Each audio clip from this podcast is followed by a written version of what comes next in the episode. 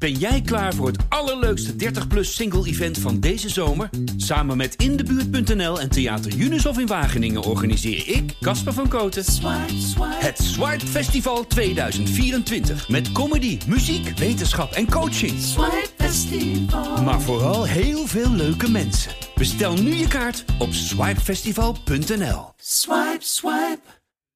Hi, voordat je aan deze podcast begint, nog even dit. Ik ben Corine Kolen en samen met Mona de Brouwer en de Volkskrant maak ik een nieuwe podcast, genaamd Moderne Liefde. In de 18 jaar dat ik schrijf over de liefde heb ik die enorm zien veranderen. En in deze podcast hoor je daarom elke twee weken het verhaal van iemands persoonlijke zoektocht naar liefde en vriendschap. Abonneer je nu in je podcast-app. Dankjewel.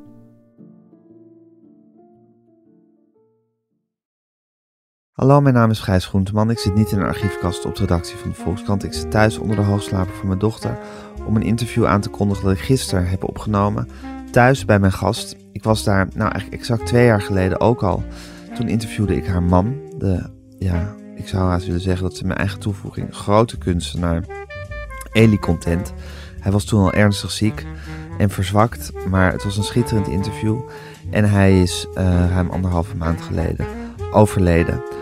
Um, hij heeft fantastisch werk gemaakt zijn hele leven lang, maar ook in de laatste jaren van zijn leven, die zware laatste jaren waarin hij zo liefdevol werd verzorgd door de vrouw die ik zo meteen, uh, met wie u het zo meteen het interview gaat horen. Ze is zelf ook niet bepaald niemand. Uh, ze kwam in het publieke oog toen ze uh, een voorvechter werd van gelijk, gelijke kansen. Zeg ik even kort, vat ik het even samen, in het onderwijs in Amsterdam. Um, toen ze uh, politica werd in Amsterdam, gemeenteraadslid. Toen ze uh, een boek schreef dat heel succesvol was over haar eigen leven zonder moeder.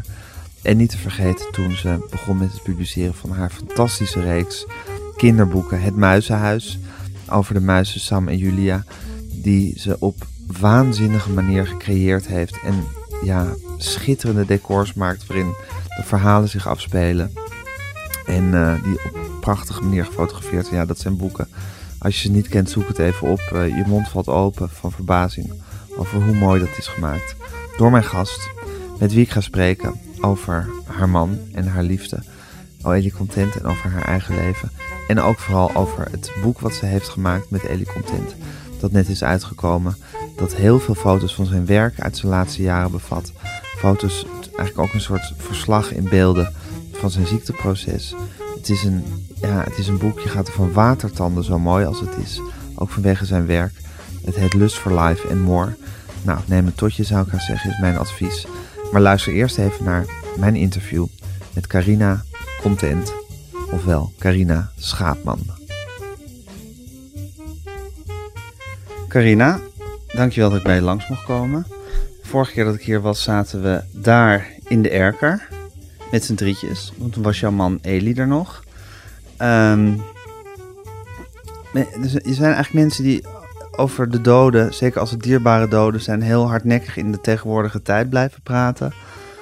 Of die nog het gevoel hebben dat ze er nog zijn. Hoe, hoe is het?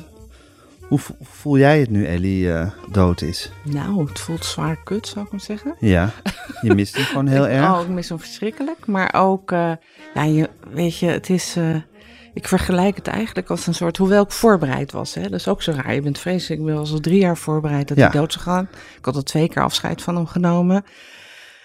En dan is het zover. En uh, toen had ik de eerste week, want hij lag hier in ons huisje waar je verleden keer zat. In een doos, heel ja. mooi. Wel bedekt, maar ja. met zijn eigen kunstwerk. En uh, kleinkinderen eromheen, kusjes geven op de doos. En dan is hij er heel erg. En het gek is dat hij nu elke nacht toch wel in mijn dromen zit. En dat ervaar ik als heel prettig. Ja. Dus ik word dan niet verdrietig wakker, want dan denk ik, oh, oh ja, oh nee, hij is er niet, oh nee. Maar het voelt wel heel, ja, ik noem het eigenlijk een soort brute amputatie. Weet je, zo voelt het. Heel erg van toompijn. Daar heb je last van. En het overvalt je op de onmogelijkste momenten. Dus dan ga ik naar buiten en dan kom je een buurvrouw tegen die je eigenlijk helemaal niet kent. En dan in één keer barst je in tranen uit. Ja. En dan een keer met goede vrienden kan je lachen. Ja. Ja. Dus het is heel Het is niet zo goed te reguleren. Nee, nee. het is niet te reguleren. Nee. Maar het is, ik, vind wel, ik vind het wel zwaar. Het valt me zwaarder.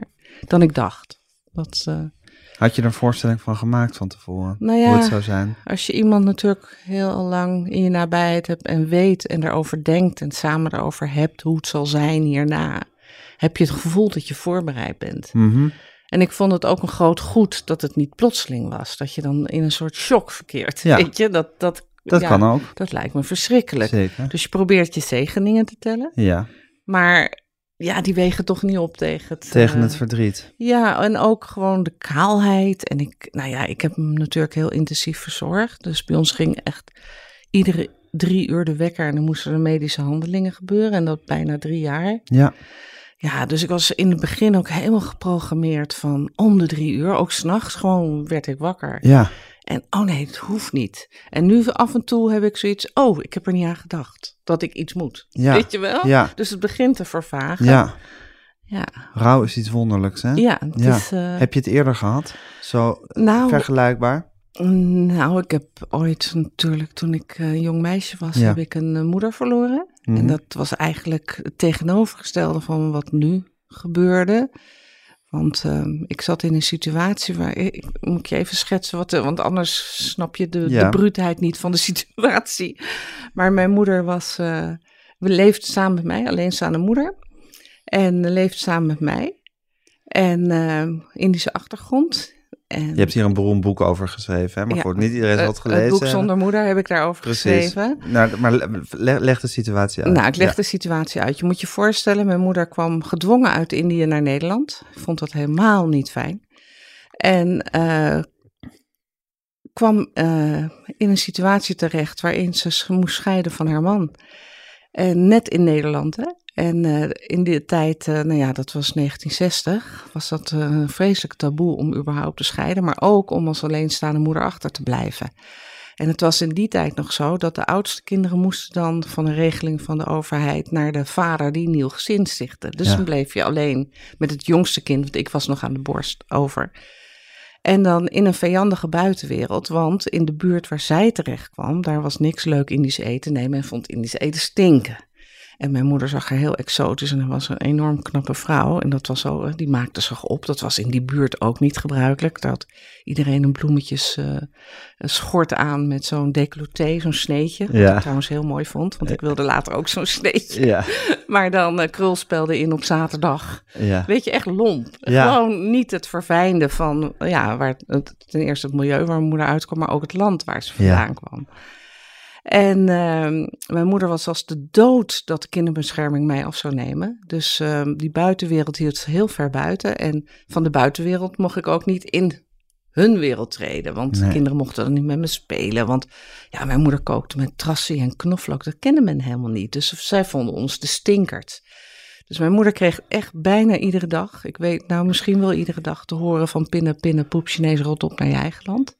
Dus echt heel vijandig. En mijn moeder negeerde dat, hè, als een trotse Indische vrouw. En, eh, en ik aanschouwde het als kind, dus ik vroeg vaak van waarom kijken mensen zo boos naar ons? Weet je wel zo.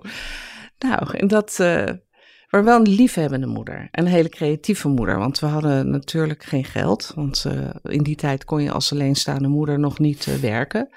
Dus we kregen een uitkering, maar die uitkering werd gekort. Want ze moest en nog eh, geld terugbetalen aan de overheid. Hè? Als je de overtocht had gedaan vanuit Indië. Hetzelfde of bij Joodse mensen, als ze vluchteling terugkwamen, moesten ze naar de hand terugbetalen. En, en mijn vader moest officieel alimentatie betalen, maar Ja. dat deed hij niet. En zij was te trots als Indische vrouw om te vragen, om haar hand op te houden. Dus we hadden altijd tekort. En wat ze ook nog flikte, dat ze weigerde Nederlands te eten. Maar je had in Leiden, in het plaatsje waar ik toen opgroeide, maar één Indische toko. En dat was dus natuurlijk ontzettend duur begin jaren 60. Ja. Om. Dus we hadden gewoon de laatste paar dagen van de week nooit meer te eten. En nu is dat heel dramatisch, klinkt het allemaal. Maar toen ik een jaar of acht, negen was, toen kwam er wel iets heel leuks in mijn leven, namelijk een circus. Want wij leefden, je moet je voorstellen, ik sliep met mijn moeder in een eenpersoonsbed. Zo close waren we me. We hadden geen radio en geen televisie. En dan vertelden ze de meest prachtige verhalen over Indië. Dus, en ik was altijd heel nieuwsgierig kind. Ik wilde dat van alles ontdekken en ondernemen. En op de hoek van de straat kwam ieder jaar een circus. En ik had uitgevonden dat Ook al kon mijn moeder geen kaartje kopen, ik wel als ik over de hekken klom en water ging halen voor de mensen, dat ik dan uh, door de gordijnen van het circus naar de voorstelling kon kijken. Nou, en op een dag ging de circus ging weg. En ik bleef heel lang hangen en mijn moeder kwam me halen. En die ontmoette de circusdirecteur. Nou ja, en die werd uh, enorm verliefd op mijn moeder. En dat werd een, een dingetje, een affaire. En op die manier heb ik dus een paar jaar meegereisd, gedeeltelijk met het circus, niet uh, uh, non-stop, want ik moest ook nog naar school, maar heel vaak ging ik dan niet naar school. Dus dan werd ik op vrijdag opgehaald en dan kwam ik weer op maandag of dinsdag terug. Toen was het nog niet zo strikt allemaal, nee. die leerplichtwetten. En uh, nou, dat was eigenlijk een hele prettige, fijne jeugd. Ja, en, uh, in een circus is het toch heel fijn dat die vijandigheid er niet was. Onconventioneel, maar wel, maar wel prettig. En je bent heel bruikbaar als kind, want ja, iedere hand helpt. helpt. Ja. En uh, ja, je krijgt gewoon een kwast in je hand geduld en de auto's moeten geschilderd worden. En ja. dat is als kind fantastisch is dat. Ja. En er waren natuurlijk dieren. En er waren ieder jaar andere artiesten. En uh, in één keer was anders zijn je voordeel in plaats van je nadeel. dus dat waren allemaal elementen waarin ik me heel fijn voelde. En ik zal nooit vergeten, de laatste zomer met het circus ging het circus heel slecht. Het was 1972 en dat eigenlijk ieder circus ging zo'n beetje over de kop. Mm -hmm. En je werd als circus dan, zeg maar, ge, uh, ingehuurd om een in een attractiepark. Dus wij in de Beekse Bergen. De hele zomervakantie. En in die zomervakantie wordt mijn moeder dus ziek. En in die zomervakantie was het ook nog de heetste zomer sinds ik weet niet hoeveel zomers. Waardoor we stonden in een hal in plaats van een tent. Dus niemand kwam er in de hal. Dus het circus ging, dreigde failliet te gaan. En mijn moeder werd ziek.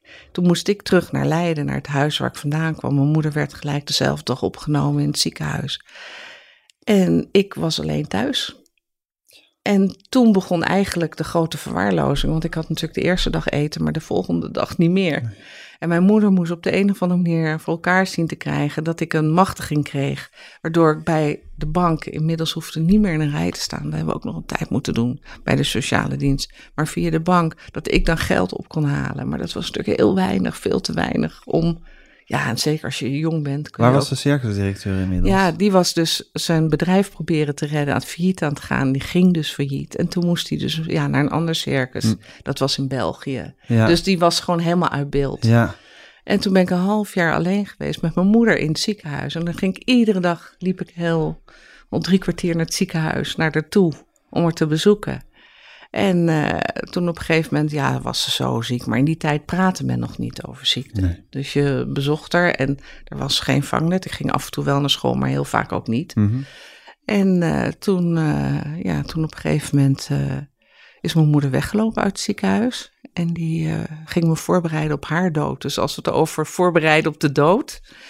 Kan me herinneren dat ik dacht van, nou, ik wil dat helemaal niet horen, want mijn moeder gaat gewoon niet dood. Dat kan, ik, je kon je als twaalfjarige niet voorstellen nee. dat je moeder dood zou gaan. En ze had heel veel pijn. Ze had darmkanker in een vergevorderd stadium. En uh, wist ik niet hoor dat dat het was, want toen sprak men het K-woord nog niet uit. Nee, daarom heet het ook het K-woord. daarom heet ja. het ook het K-woord. En uh, ik weet nog wel dat er op een gegeven moment de huisarts door de brievenbus... Vroeger had je een touwtje door de brievenbus, ja. die hing eruit. En mijn moeder had gezegd tegen mij, haal het touwtje uit de brievenbus. Want als de huisarts voor de deur staat, mag hij niet binnenkomen. En toen maakte ik dus mee dat de huisarts haar uh, door de brievenbus toesprak... dat ze weer terug moest gaan naar het ziekenhuis... omdat ik haar anders dood zou vinden.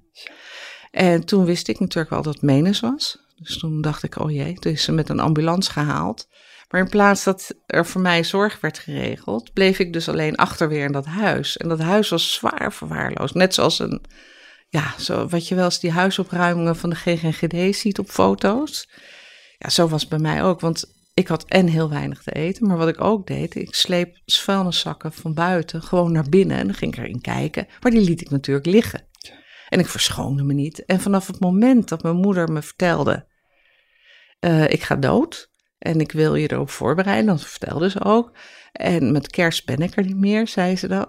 Toen ben ik gaan bedplassen. Maar in plaats van dat je dan verschoont, dan liet ik het gewoon drogen. Of dan hè, een paar ja. dagen drogen en dan trok ik weer wat aan. Ja. Dus zo'n vervuilde situatie was ja. het. Dus ja, die dood die ik nu heb meegemaakt qua voorbereiding, ik moest, ik moest er vaak aan denken dit, deze keer. Want ik dacht van, het is toch wel heel fijn dat alles zoals we het nu hebben gedaan, ja. Is wel zoals het zou moeten. Omringd met mensen, kinderen, uh, liefde, liefde ja. uh, zorg, zorg, ja, dat, aandacht. Uh, ja, dat is wel tegenovergestelde heb ik toen wel meegemaakt. Dus dat was wel, ja. Dus de ervaring dood is voor mij aan de ene kant traumatisch. Ik vond het nu ook best wel helend dat het nu kon zoals we het nu hebben gedaan. Dat je het eigenlijk over hebt kunnen doen. Ja, eigenlijk hebben we het heel erg... Je had het liever niet over gedaan, maar nee, goed, maar moest. ik heb er veel ook met Elie over gehad van wat een groot verschil het was. Ja, van, dat is toch gek dat je in het leven dingen kan meemaken, uh, zeker als kind, die je later in je leven alsmaar gaat herhalen. Of juist uh, ervan leren en er, en er recht tegen ingaan. Hè?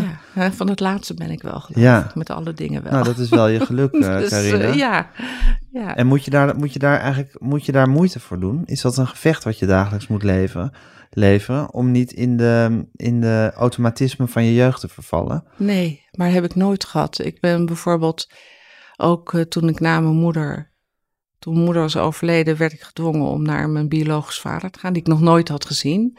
En dat bleek een, uh, getraumatiseerde militair uit uh, Indië te zijn, die heel gewelddadig was. Wat ik niet wist, hè. Ik bedoel, ik wist dat hij militair was geweest in Indië, maar ik wist niet dat hij gewelddadig was.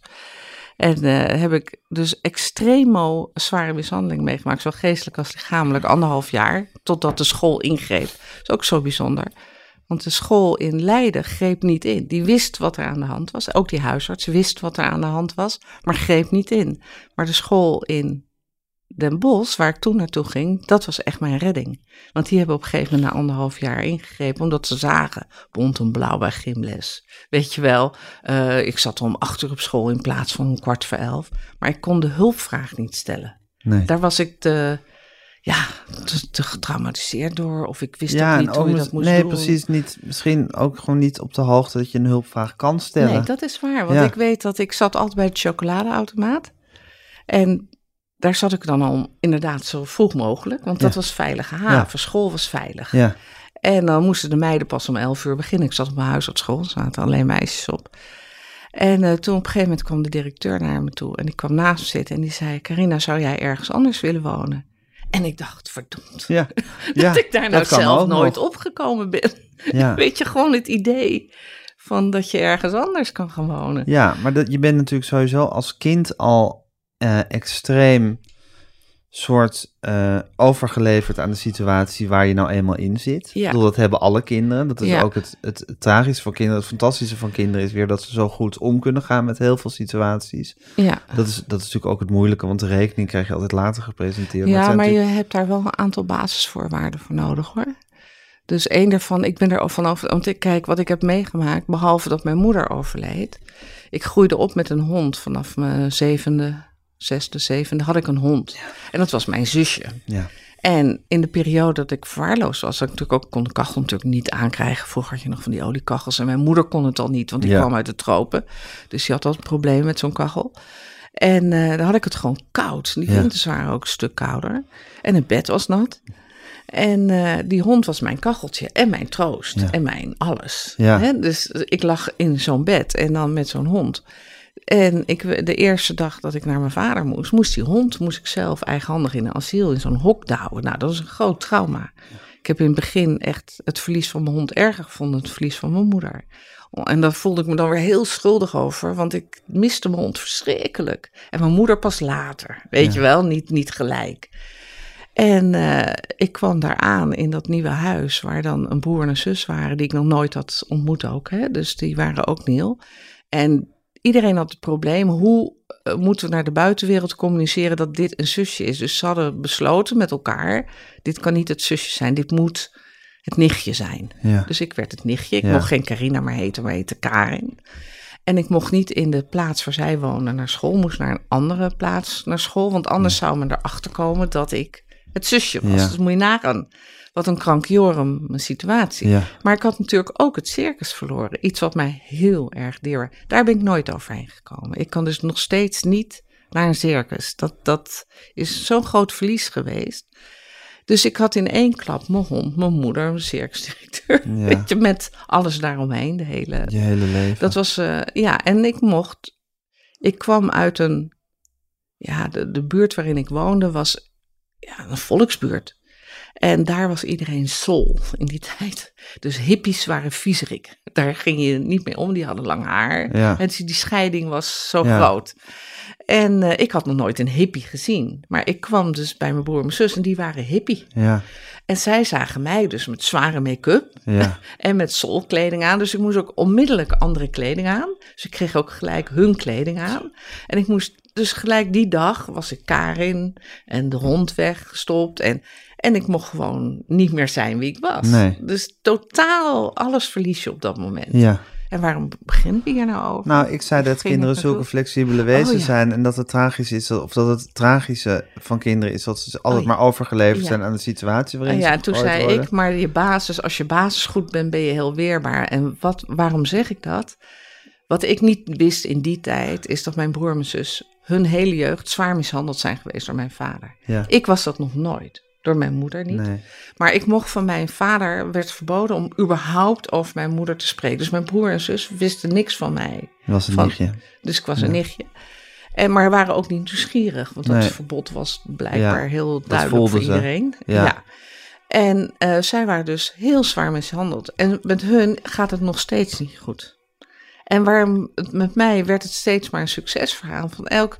En dan denk ik steeds van, ja, maar het komt echt door de liefde die ik heb gehad in dat ene bed. Ook al hadden we niet veel te eten, maar er was moeder. warmte, Ja. er waren verhalen, er was, je mocht zijn wie Ja. je bent. Jaren Eh, die je gewoon samen met je moeder hebt doorgebracht, ja, dat is die hebben jou, dat- die hebben jou een, eh, ja, een bodem ik- gegeven. Daar ben ik van overtuigd. Omdat ik ook de andere kant bij hun heb gezien. Ja. Hoe verschrikkelijk het is als je daar nooit meer uitkomt. Als je blijft hangen in een spiraal van. En dat weer opnieuw. Hè, want dat zijn mensen die gaan weer opnieuw in de fout. Weer opnieuw. En die zoeken ook dan weer de verkeerde partner. En weer. Dan wordt er nog een keer bevestigd. Ja. Je wat zo.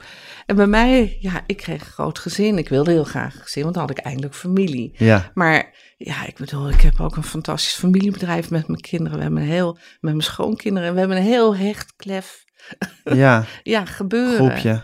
Maar dat in, dan zie ik wel van ja, dat kan zo bestaan. Omdat je die liefde hebt Omdat gehad. ik weet wat het is om lief te hebben. Ja, maar ja, Het is zoals die beelden van dat aapje wat geen moederliefde heeft gehad. ja En dan later, niet, en dan later Ja. ook niet zelf de fles kan, eh, of niet zelf de tiet kan precies. geven. Dat is zo belangrijk, echt.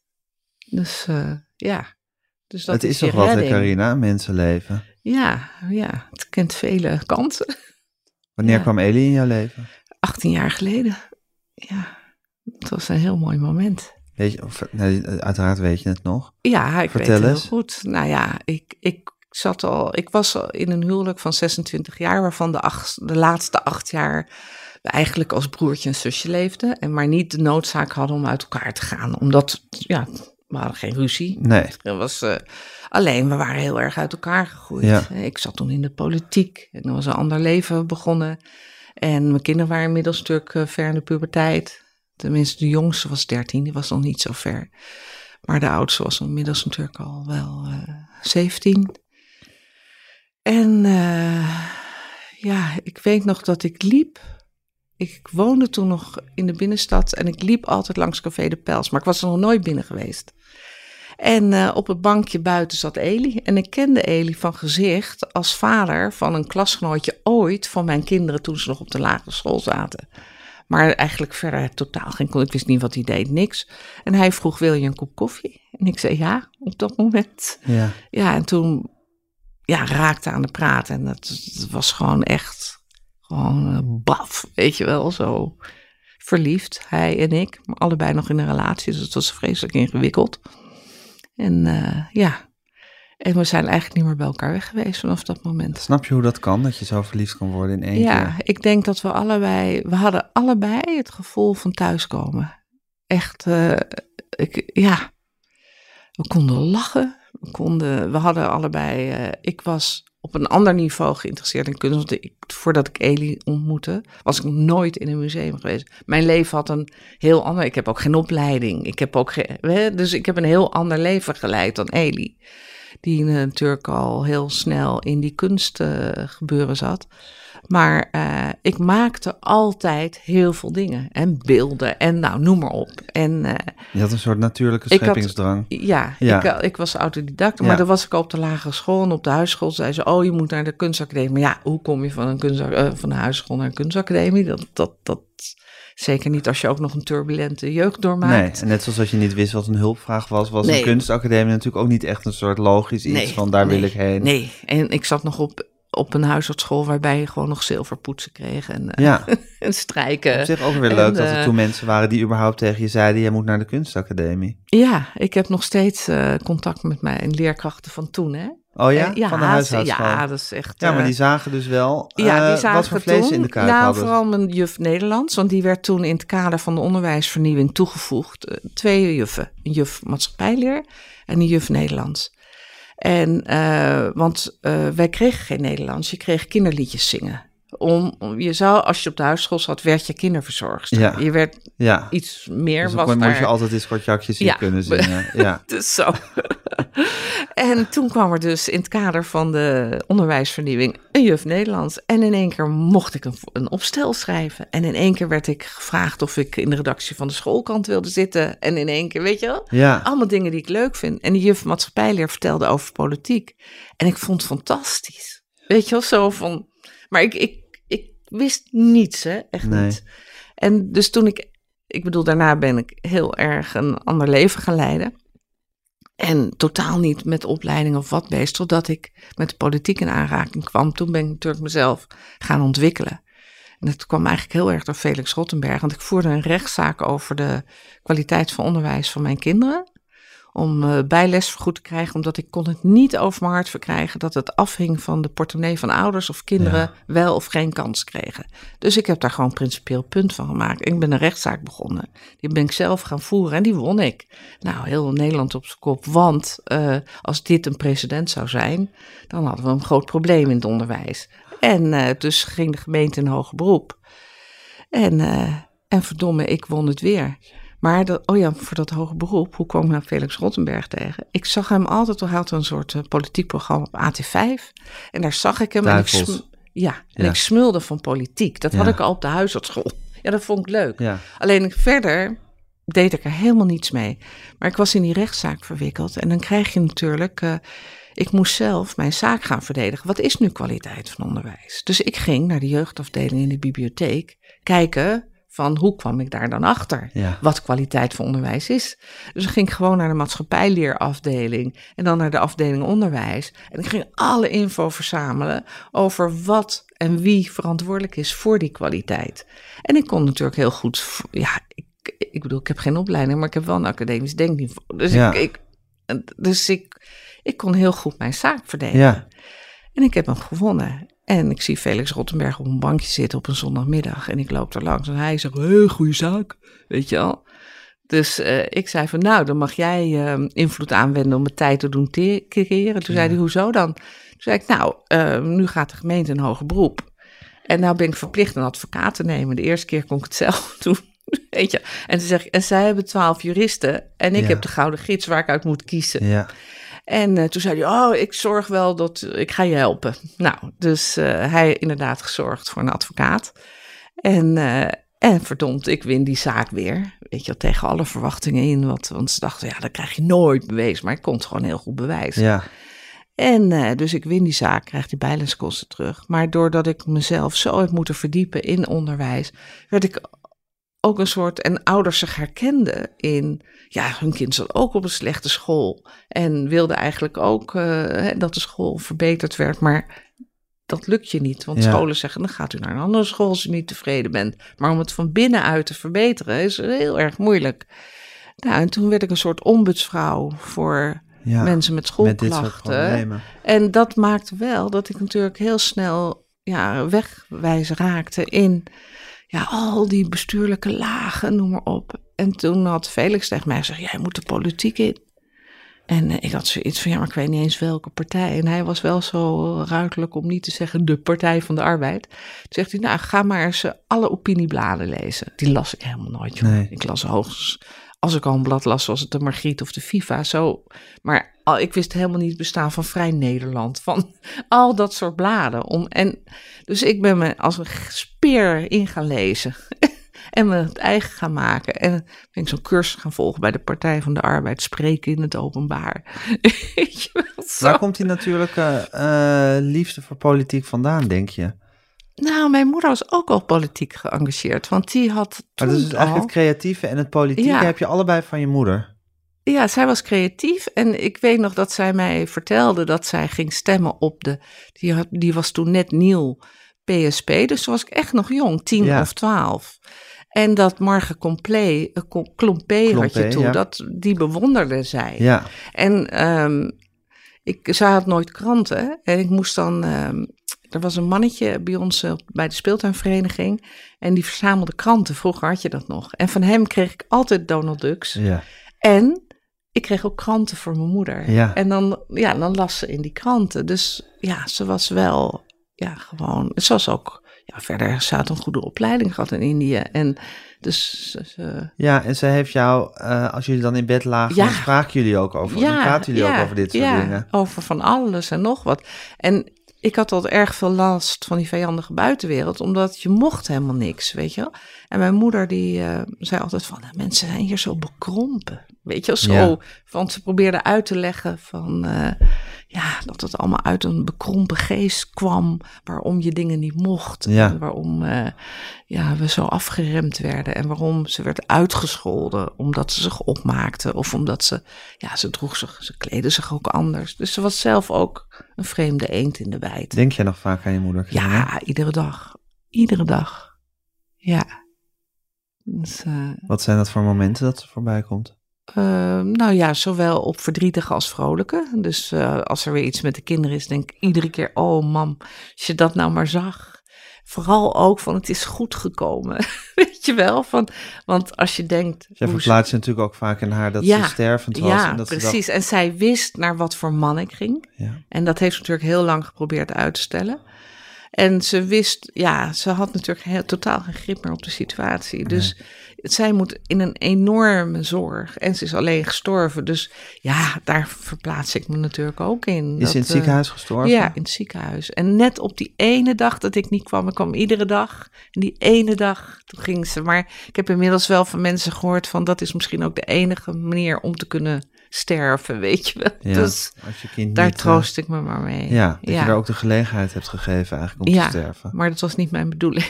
Waarom kwam je niet die dag? Nou, ehm, een meisje in mijn straat die gaf een feestje en ik was dus uitgenodigd. Ik werd nooit uitgenodigd. En ik was uitgenodigd en ik dacht, dan ga ik. Ja, En, eh, die, eh, en ik had het die dag ervoor tegen haar gezegd: van ik ga naar dat feest. Zeg, ze moet je doen. En eh, dus ik kom de volgende dag niet. En ja, toen ging ze. Dus ja, het leven is iets ongelooflijks, ja. Carina. ja. Maar ik, eh, ik heb wel, ik, eh, ja, maar het is zo grappig dat. eh, ik heb natuurlijk zes kleinkinderen. En een van mijn kleinkinderen die kijkt ook de hele tijd. Want mijn moeder hangt daar op die foto. Ja, En die kijkt dus de, van je boek ook. Ja, die Ja. kijkt dus de hele tijd naar, naar mijn moeder. En dan denk ik, oh, zou er nou, zou er nou toch nog iets, iets, iets zijn wat wij niet weten, waarom die steeds maar zo naar haar kijkt? Maar ja, dat is wishful thinking. Wat denk je dat er zou kunnen zijn? Nou, nee, ik, ik ben absoluut niet gelovig. En dat was ik niet. Mijn moeder was heel gelovig, echt tot het irritante af. Oh dat, ja? dat Indische bijgeloof. Wat Dus- grappig dat je dat dan helemaal niet hebt overgenomen. Nee, hè? totaal niet. Ik was als kind dan zag zij een zakje liggen en dan was het Guna Guna. En dan zei ik, nee, is gewoon een theezakje. Onzin. Ja. Ja, super nuchter. ja, Eli was bijvoorbeeld heel religieus. Ik totaal niet. nee. Dus eh, dat... eh, Maar je ziet je kleinzoon altijd naar je moeder kijken. ja, en dan... en dan eh, denk je misschien is er iets, misschien nou ja, voelt hij iets van haar zo aanwezigheid. getrokken wordt naar haar de hele tijd. En eh, ja, dat vind ik wel bijzonder. En dan, eh, maar dan denk ik van, nee, dat, dat wil je denken, weet je wel. Mhm. Dat is zo... eh, ja. Nou ja, maar dat is natuurlijk geloof sowieso. ja, Iets wat je wil denken. Het is ook, ook, Ja. ook maar een manier om met de onmogelijkheid van het leven om is te ook gaan. zo. Is ook Ja. zo. Ja. En dat heeft Dus, ook zijn waarde. Ja. Dat en het is natuurlijk sowieso eh, eh, zijn overgrootoma. Ja. En ehm, ja, had dus eigenlijk ook toen je Eli ontmoette, eh, had je eigenlijk ook vrijwel onmiddellijk het gevoel dat je thuis kwam. Ja, dus er was ook. ook, tussen jullie, Ja. tussen jou en Eli, was Ja. ook iets. En dat zat hem waarschijnlijk al in die eerste blik. Dat het, dat het klopte. Dus misschien heeft jouw kleinzoon ook wel iets als hij naar jou, die foto van jouw moeder kijkt, dat er een soort. Ja, je kan, er is meer ja, tussen hemel en aarde wat wij Nou, niet of kunnen het hoeft- verklaren. nee, nee, nee, maar het kan, dat kan ook gewoon in een, in een oogopslag zitten of in een blik dat je je zo tot iemand aangetrokken ja. voelt of beschermd voelt door iemand. Of Ja, dat een, een gezichtje zo kan aanspreken. Dat is natuurlijk iets heel magisch. ja. Maar iets wat we allemaal elke dag meemaken. ja, maar je gaat proberen, het, je probeert het natuurlijk altijd wel te verklaren, want dan denk je, is het dan chemie?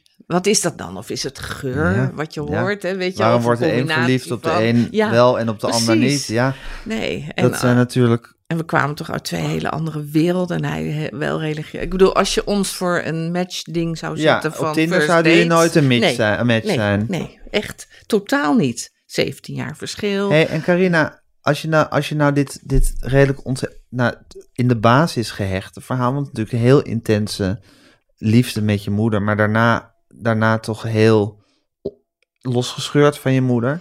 Heb je het gevoel dat je altijd op zoek bent geweest naar dat gevoel van thuiskomen wat je toen vond bij Eli? Ja, en ik moet je zeggen dat ondanks dat wat ik met de Eli heb, nog altijd dat gevoel van ontheemdheid heb Ja, hoor. Dat is iets wat niet weggaat. Nee. En eh, ik functioneer ook absoluut niet in groepen mensen. En wat ik heel moeilijk vond, in Jodendom heb je natuurlijk allemaal van die, heb je Pesach vieren met z'n Ja. allen. Nou, Eli was Joods. ja, Eli Ja. was Joods, dus dan ging met vrienden gingen ze Pesach vieren. Nou, ik, ik voel me echt zo verschrikkelijk Oh ja? eenzaam op dat soort momenten. Omdat dat heb Ging je wel mee? Ja, ik ben op een gegeven moment zelfs niet meer gegaan, Ja. omdat het te pijnlijk was. Ik vond het zo pijnlijk en ik heb, ik ging één keer naar een bar mitzwa van eh, een van zijn vrienden en ik heb zo moeten huilen bij die bar mitzwa, omdat dan zie je een kind van 12, 13 Ja. die door een gemeenschap wordt opgenomen. Nou, dat was bij mij Exact het natuurlijk. tegenovergestelde van wat jij hebt in, meegemaakt. In, in, en ik kon het gewoon niet handelen. En de keer daarop was een nichtje, en daar voel ik me nog steeds schuldig over. Die werd 12, 13, en deed dus ook mits. Waar? Ja, maar dan heet het oh voor een ja, meisje sorry, anders. weet ik ook niet precies. Ja, en, dan, en dat meisje, nou, en ik heb gezegd, nou, ik ga niet, ik kan, het, ik kan dat gewoon helemaal niet aan. Dat, dat is te heftig. Dus ik bedoel, ik heb wel schade overgehouden. Tuurlijk. Hè, maar nee, ik- iedereen eh, houdt schade iedereen over aan zijn jeugd. En jij, over. bedoel, dat Nou ja. verhaal van jou is natuurlijk iets ongelooflijks. Ja, maar aan de andere kant staat er bij mij wel elke keer iets fantastisch tegenover. Zeker. En het is natuurlijk ook, kijk, de, de, de schade die je oploopt, is, is natuurlijk ook weer de motor waar je, waar je op draait voor een groot deel. Dat is natuurlijk ook weer het wonderlijke van mensen. Ja, Dat het ook al je trauma's zijn die, eh, die Ja. je gaande houden. is ook zo. Dus die ambitie en werkdrift en scheppingsdrift die jij in je hebt. En dat, dat, dat krankzinnige muizenhuis. nou, dat- dat... was wel fijn toen ik Eli ontmoette. Want ik, ik had natuurlijk altijd die scheppingsdrang. En ik maakte krankzinnig veel en hele grote beelden. En, en ja, voor mijn kinderen vaak heel heftige, hele rauwe toestanden. Wat dan? Nou ja, vrouwen met uh, wijbeens, vagina's, uitgewerkt, noem maar op. Dat maakt je voor je kinderen. Nee, dat maakte ik Oh. niet voor mijn kinderen. Ik Oh. maakte hele grote beelden. Maar Ja. die hadden Oké. de, de, de expressie die ik gaf, dat was nogal een heftige, ja, ja. agressieve, Ja. heftige wereld wat ik uitdrukte. Was je boos eigenlijk? Nee, ik was niet boos, maar dat moest wel. Dat moest eruit. Dat moest eruit. Dat moest eruit deel. op dat je niet boos werd misschien. Misschien, dat Ja. weet ik niet. Dat ja, was weet jouw je, manier van je... Van... Ik, ik ben nooit naar een psycholoog geweest, dus ik ben absoluut... nee, maar je, eh, je kan toch nadenken zelf? Jawel, jezelf? maar ik vind het een beetje gevaarlijk soms om eh, dingen te, te psychologiseren. Weet je, wel? soms zijn dingen gewoon. eh, ik deed als kind ook al hele heftige beelden maken. Dat ze op school wel eens dachten: mijn hemel. Weet je, wel. maar ja, ik moest wel altijd uitdrukken in beeld. Dus. eh, Ja, maar goed, Karine, Maar- wat, je, wat je zegt, kijk, je zegt van, eh, ik, heb, ik, ik ben goed eh, gaan functioneren omdat ik, omdat ik zo'n diepe, zoveel liefde van mijn moeder heb gehad. Nou, dat, dat, dat neem ik absoluut voor waar aan. Ik denk dat dat voor elk kind heel belangrijk is om, om moederliefde te krijgen in, eh, in de eerste jaren, sowieso, maar zeker in de eerste jaren van je leven. En, ehm, maar misschien is het, is het ook een reden geweest dat jij goed bent kunnen gaan functioneren altijd, is dat je dus daadwerkelijk vorm heeft kunnen geven aan de toch wel vrij pittige dingen die je hebt meegemaakt ja, maar in die, je leven. ik kreeg wel de gelegenheid van mijn moeder al voor het om vorm te geven. Want ik had geen speelgoed, daar hadden we geen geld voor. Maar ik mocht alles van de vuilnis slepen naar binnen. Ja. En daar hielp ze vaak mee Ja. om dingen te bouwen. Dus ik bouwde giga dingen thuis. Echt. Alle stoelen werden torens. En, Ja. Nou ja, maar goed, op. die, die, dat Dus talent, dat, had jij dat- dus. Nou ja, en blijkbaar werd het versterkt omdat het mocht of Het kon. mocht, zeker. Nou, in een circus moet je natuurlijk altijd wel voor de show gaan. Hè? Ja. Dus je werkt altijd naar een punt van optreden. Ja. Van, dat heb ik later, toen ik in de politiek was, heel vaak het gevoel gehad... oh, nu komt mijn circusmomentje. Ja, ja, nu ga ik als een dompteur hier even met mijn zweep Ja. aan zwaaien. Nee, ja. maar ook van dat je wist, nu moet ik op en Ja. dus nou gaat het. Ja. En dan dacht ik achteraf wel eens van... Ja, maar ook nu moet ik een show maken. Ja, ja. nou ja. Dus eh, zo, weet je? Dus dat, dat gevoel van ja, optreden. En, eh, maar toen ik Eli ontmoette, ik weet nog hoe fijn het was dat hij dus ook... Ja, ik weet niet of dat manisch is. Soms denk ik wel, is dat manisch? Dat weet ik niet. Ja, niet Maar- klinkt bijna of het ziekelijk ja, is. het maar ziekelijk het is, is, maar het was gewoon Niet, niet aflatend. niet aflatend. En hij had het ook. Dus eerst Maken. overdag op zijn atelier en dan kwam hij thuis. En dan waren we allebei s'avonds hier weer aan het werk. Ja. En dat maakte niet uit. Ik heb nooit een atelier nodig gehad. Ik ging gewoon dwars door alles heen aan het scheppen. Ja. Toen ik met mijn kinderen, we leefden met vier kinderen op een, op een kamer. De woonkamer was vijf bij vijf meter. En daar sliep ik ook nog een keer in. En daar maakte ik grote beelden. En dan dekten mijn kinderen het wel af met doekjes als al die vriendjes kwamen Ja. spelen. Want ze vonden het te gênant. Dat waren die beelden met al die uitgewerkte ja, nou ja, noem maar op. Weet je wel, Ja. een beetje gênant dat ik dat soort beelden maakte. Ja, maar dat moest eruit. maar blijkbaar moet dat. En van Eli was zo fijn dat hij voor het eerst iets had. Oh, hij ervaarde dat niet als troep, want het maakt natuurlijk heel veel troep als je beelden maakt.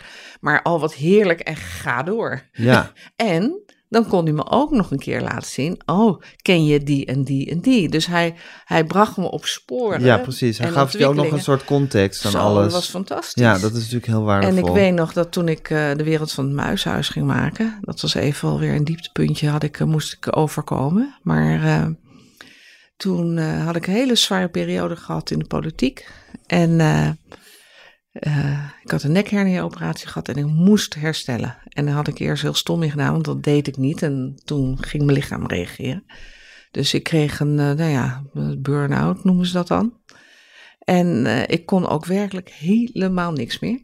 Maar ik kon, nog, ik kon dus niet die grote beelden maken, want daar had ik kracht niet voor door die nekhernia-operatie.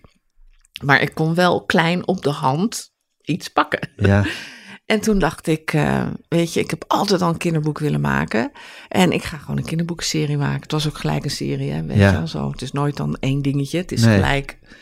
En, eh, en omdat ik toch geen eh, behoefte had, ik ben, heb me echt zelf helemaal opgesloten hier, drie jaar lang. En ik ben gewoon die wereld gaan creëren, die ik wilde creëren, Ja. die ik voor ogen had.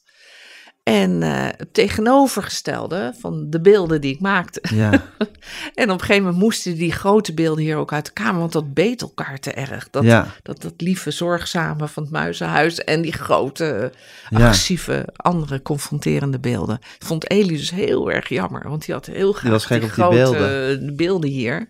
En, eh, maar op een gegeven moment heb ik die toch eh, uit het huis gedaan. Waarom ben je wars van psychologiseren? Ik ben een beetje bang voor psychologen en eh, hulpverleners. En, eh, Ja, maar we hebben het nu niet op psy- maar gewoon ook met, met, met een analyse maken van hoe je eigen hoofd. Waarom ben je bang voor psychologen en hulpverleners? Nou, Slechte ik, ben mee. wars van hokjes. Ik ben in zoveel hokjes mijn hele leven gedouwd. Als je Ja. dit hebt, dan zal je wel dat. En als je dat Ja. hebt, oh, slecht die ook. Oh, En dan dat. schrijf je en dat voor. Huh, Ja. Weet je wel, nou ja, en daar, daar, ik ben daar niet van. Dus ik ga daar ook, eh, ik, ja, ik doe het liever zelf. En Ja, zo. maar ook, Zo, maar ook je afvragen, even los van dat er verder een diagnose aan verbonden hoeft te worden. Van goh, wat interessant dat je zulke, dat er, dat er zulke heftige beelden uit je moeten. Ja. Ehm, denk je eigenlijk van ja, laat het maar gewoon gebeuren. Als het moet komen, dan komt het. En je vindt het onprettig om dan te gaan bedenken, goh, waarom is dat eigenlijk? ja, dat vind ik nou weer niet noodzakelijk. Nee. Laat ze maar gewoon... eh, Laat ze maar gewoon zijn. Ja, laat ze maar gewoon zijn. En eh, voor mij hoeft het ook niet getoond te worden. Hè? Het is niet voor mij noodzakelijk om dingen te tonen, zoals wat kunstenaars vaak hebben, dat je het dan ook nog geëxposeerd wil hebben. ja. ja. Dat, Jij eh, bent een schepper, maar je bent eigenlijk in die zin geen kunstenaar. wel, en ik kan het ook weer heel goed vernietigen. Ja, Dat precies. is ook, het moet er gewoon uit. Het moet er gewoon uit. Het gaat Ja. mij om het maakproces. Ja. Nou ja, En uh, kijk... Maar dat is toch, van, dat is toch waanzinnig, Carina, hoe, hoe, hoe, je, hoe je als mens in elkaar kan zitten.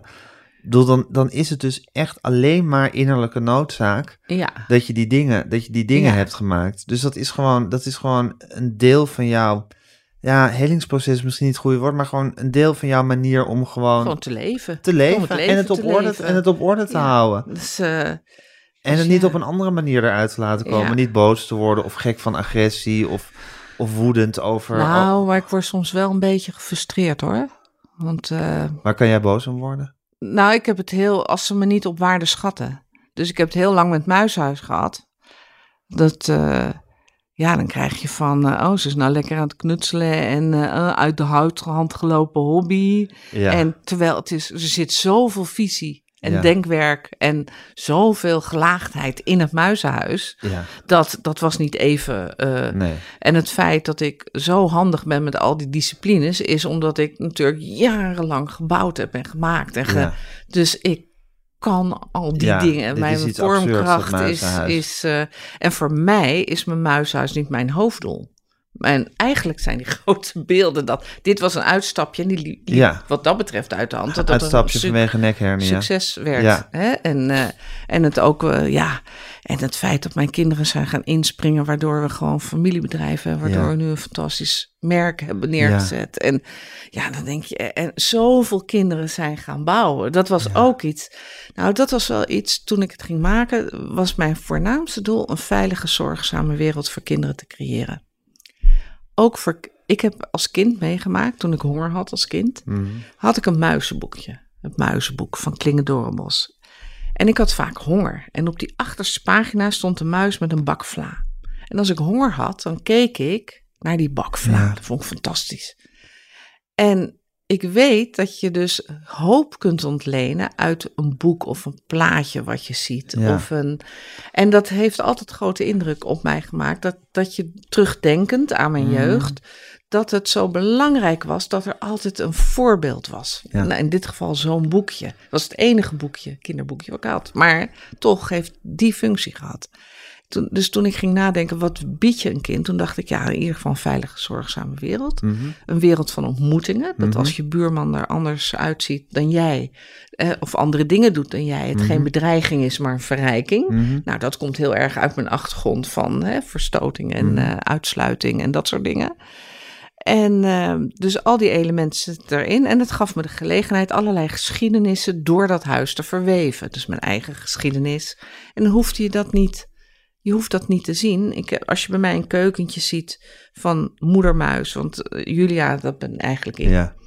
En de moedermuis woont alleen met haar moeder. En je ziet een keukentje en dan zie je een, een armoedig keukentje. En je ziet op een gegeven moment houten planken achter op een raampje. Niemand weet, en kinderen hoeven dat niet te weten, dat dat ons keukentje was. En die houten plankjes die zijn daar omdat de buurt ons bekogelde met ijsballen en onze ruiten in werden gegooid. Dat is voor mij een best wel traumatische ervaring geweest als kind. Hele beangstigende ervaring. Mhm.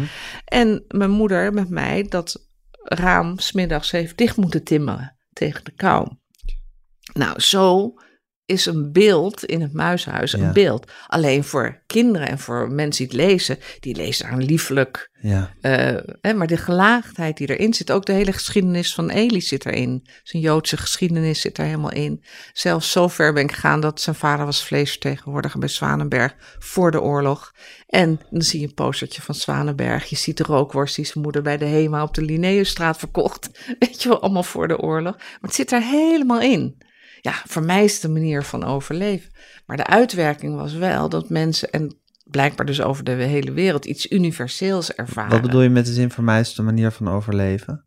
Nou, het, het gewoon het bezig blijven Ja. En, is het en, scheppen, het Ja, en dan dus ook creëren, en dingen die heel dichtbij liggen. daar gebruiken. een uitdrukking aan te Maar geven. dat moet. Dat is Nou noodzakelijk ja, blijkbaar voor moet je. dat. En anders zou ik het natuurlijk niet doen. En eh, de- bij mij, ja, Elie en ik, die hadden echt ook werkuren van ochtends vroeg half negen tot 's avonds laat om half twaalf tegen elkaar zeggen van, nu moeten we, hè, we kunnen niet meer uit onze ogen kijken, nu moeten we naar bed. Ja. Maar we waren dagen, dagen aan het scheppen. Hij op zijn manier, Ja. met zijn werk. Ja. Ja. En, maar we verstonden elkaar. Ja. En wat ook zo fijn was, als ik dingen moest doen, het is niet altijd leuk scheppen. Hm, zoiets Scheppen gaat van ouw, hè? Het scheppen gaat van ouw, maar zelfs zoiets simpels als ik had bedacht een muisje. Nou oké, leuk voordat je hem dan ontworpen hebt, een muisje, dat hij er lief uitziet, maar die moet een truitje aan. Nou, ik hou niet van breien, maar een gebreid truitje is wel het allermooiste om te zien.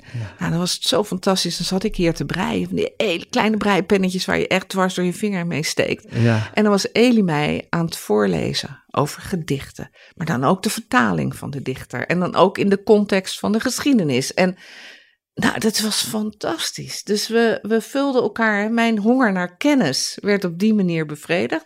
En ondertussen zat ik dan Ja, heel... ja. Dus eigenlijk meer dan, bedoel, het voelde als thuiskomen toen je eh, Eli ontmoette. Maar zoals je zelf zegt, van dat, dat ontheemde gevoel, dat heb ik heus altijd gehouden. Dat Ja. is iets wat, Had wat hij ook, hè, had vanuit hij- zijn... had hij vanuit zijn geschiedenis. En dat is iets wat je waarschijnlijk ook, wat, wat gewoon bij jou hoort. Dat, zal, dat zal je ook en nooit wat we konden delen. En wat jullie konden delen. Maar je vond inderdaad vooral in hem iemand zoals je nog nooit eh, iemand gevonden had die gewoon exact begreep Ja, of aanvoelde of herkende ja. hoe nodig het was om de hele tijd dingen te Ja. maken. En dat stimuleerden we bij elkaar. Ja. Dus dat was ook heel fijn. Ja, En toen hij hier zo ziek was, nou, de kamer lag vol met afgesneden karton. En dan haalde ik voor hem overal karton vandaan, overal bij de vuilnis vandaan. En hij sneed het dan in maskers, in poppen, Ja. in nou, ja want hij maakte de meest waanzinnige maskers. Ja. hè, De, Die overgingen in poppen. Je zegt dat, nou ja, als het, daar hebben we misschien nog niet over gehad, maar het boek wat ik heb gemaakt. Dan eh, het boek Lust for Life en More, En dat More. was zijn aanvulling, plus More. ja. dat, nee, maar dat, wat het interessante was van eh, dat hele proces. Hij was natuurlijk ziek, dus hij kon niet meer iedere dag naar het atelier. Hij was heel erg ziek, dus hij was bijna dood. Dus voordat je daar weer uit bent, dan heb je ook geen kracht. Je hebt niet de energie. Je hebt nog wel je geestkracht, maar niet de, de, de maakkracht. En eh, hij was nog niet, nou ja, aan het eh, herstellen.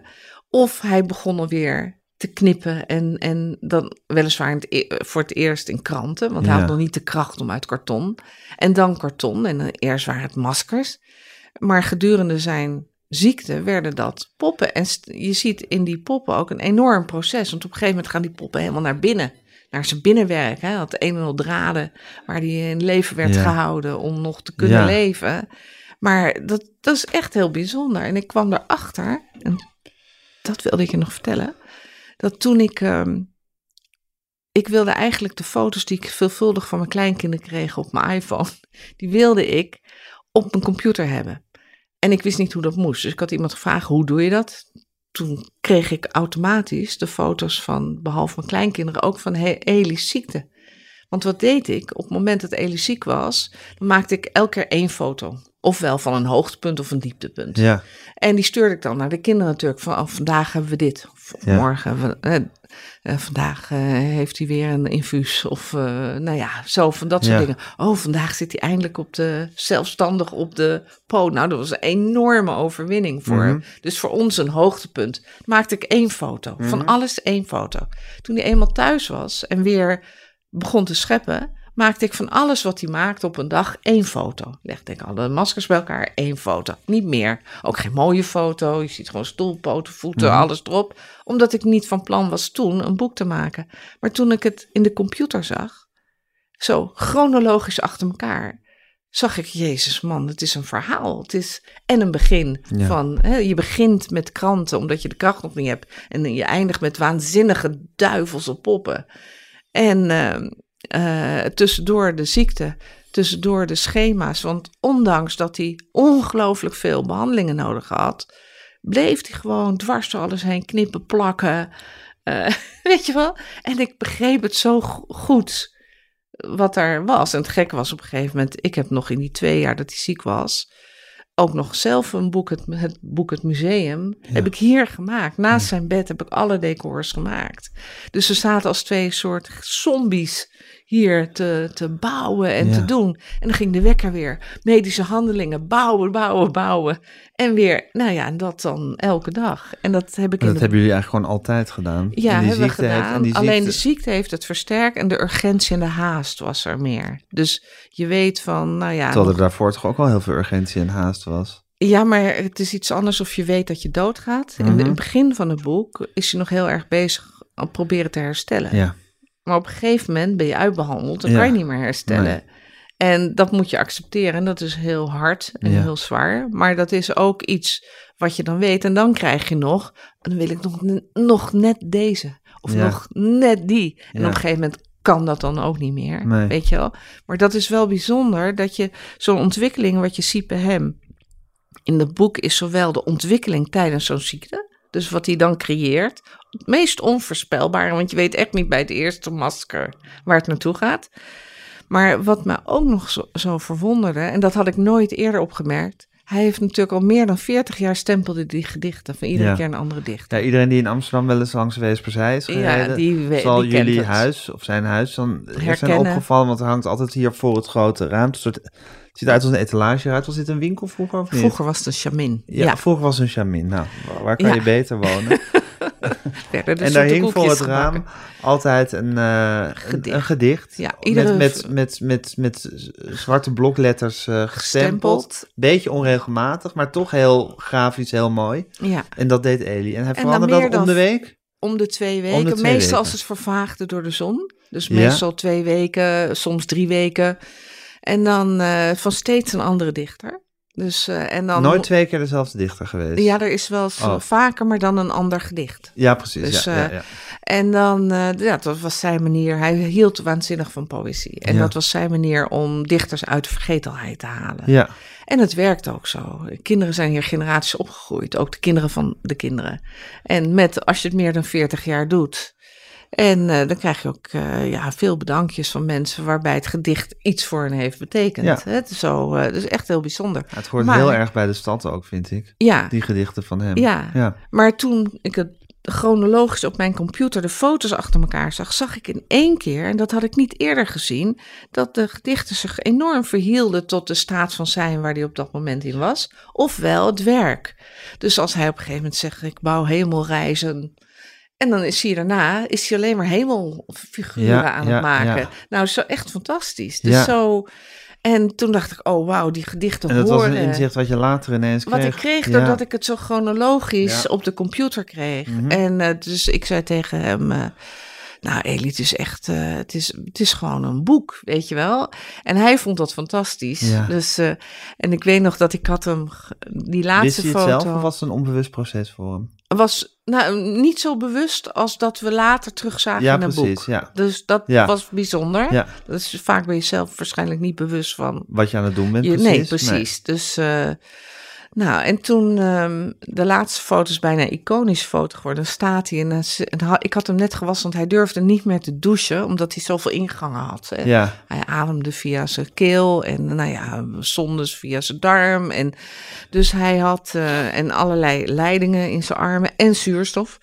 En hij, had, hij kon niet meer eten en drinken al twee jaar niet meer. En moet je nagaan, dus vind ik zo ook zo wonderlijk hoe het leven kan lopen. Hij was vroeger kok.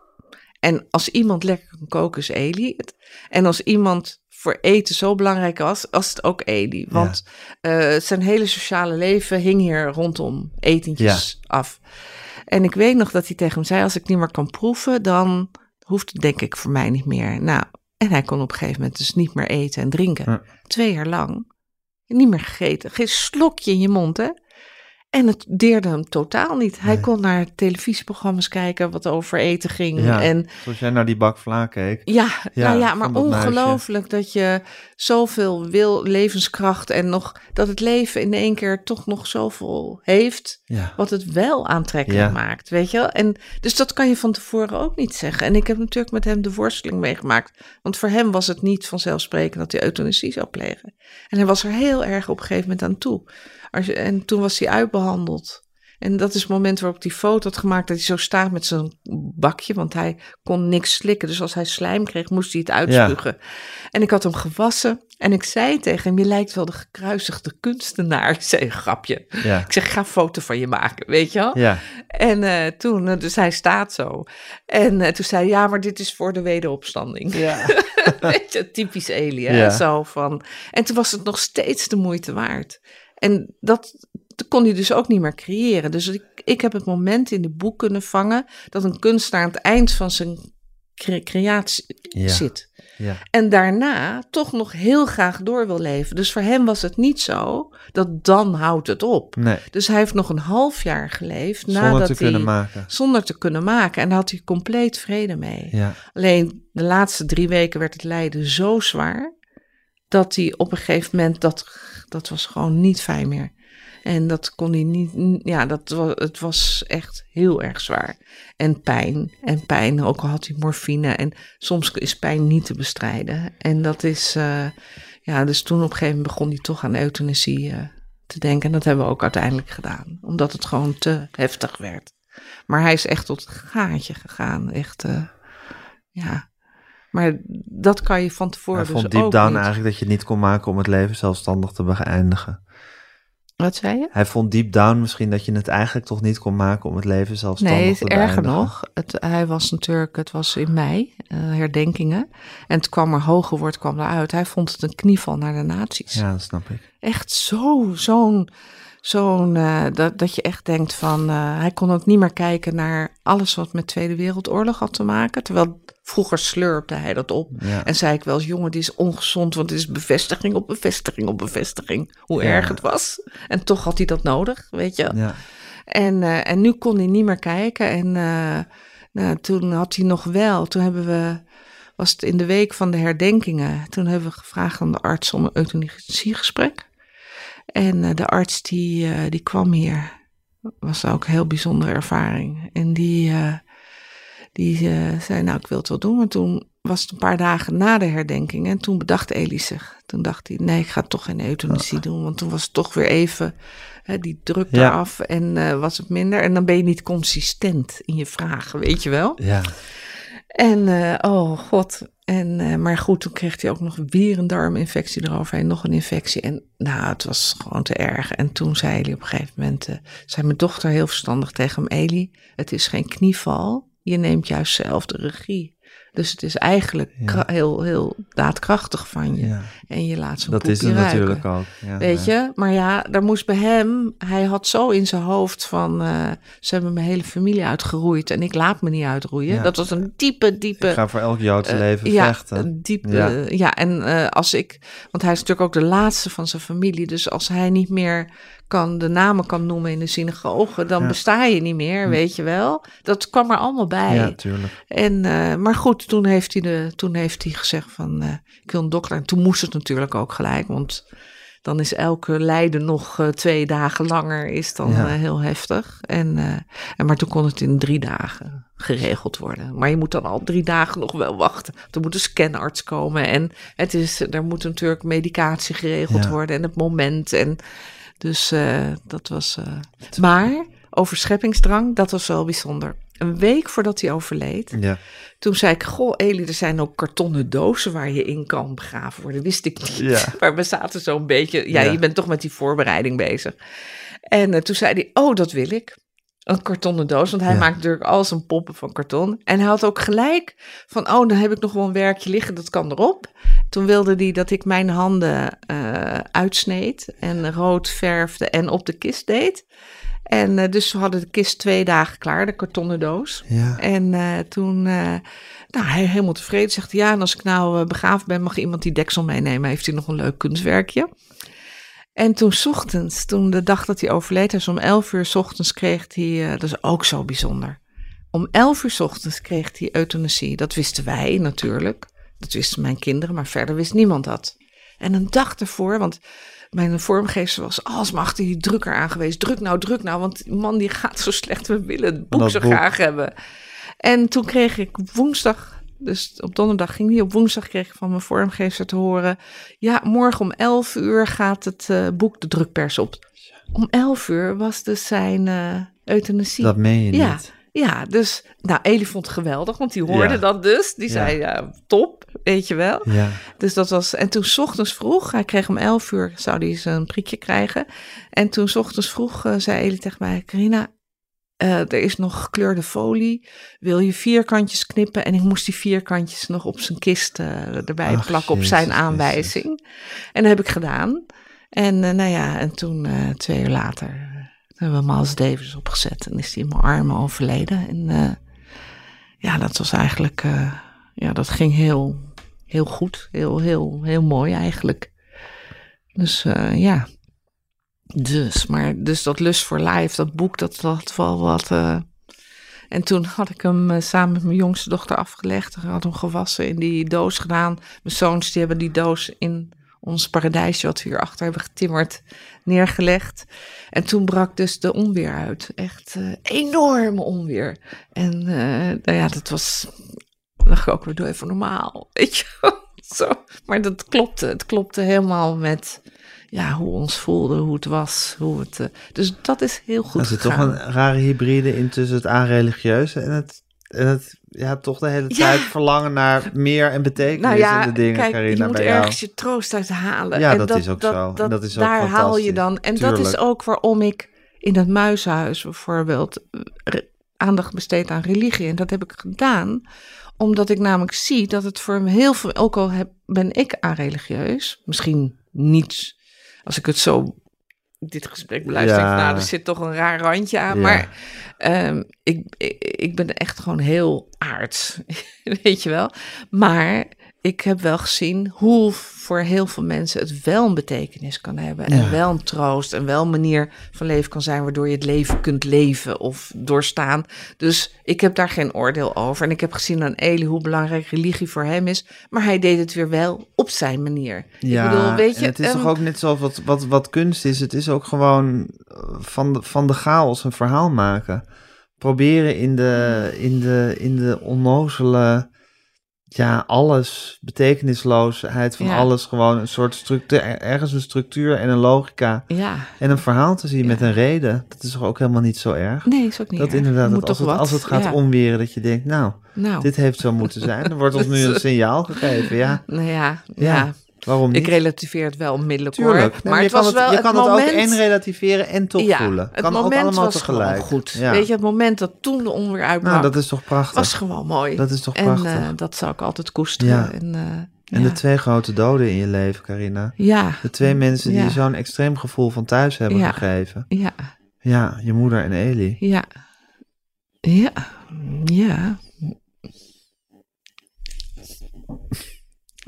Ja, dat is toch wat. Ja, nou nu krijg ik de tranen, ja. Ja, Ja. Nee, ja. Maar het is, weet je, wat wel heel troostrijk is, als je het heel fijn samen hebt gehad. Dat merk Tuurlijk. ik nu al. En dat Ja. had ik met mijn moeder eigenlijk ook. En dat heb ik met Eli ook. Dus het is wel fijn.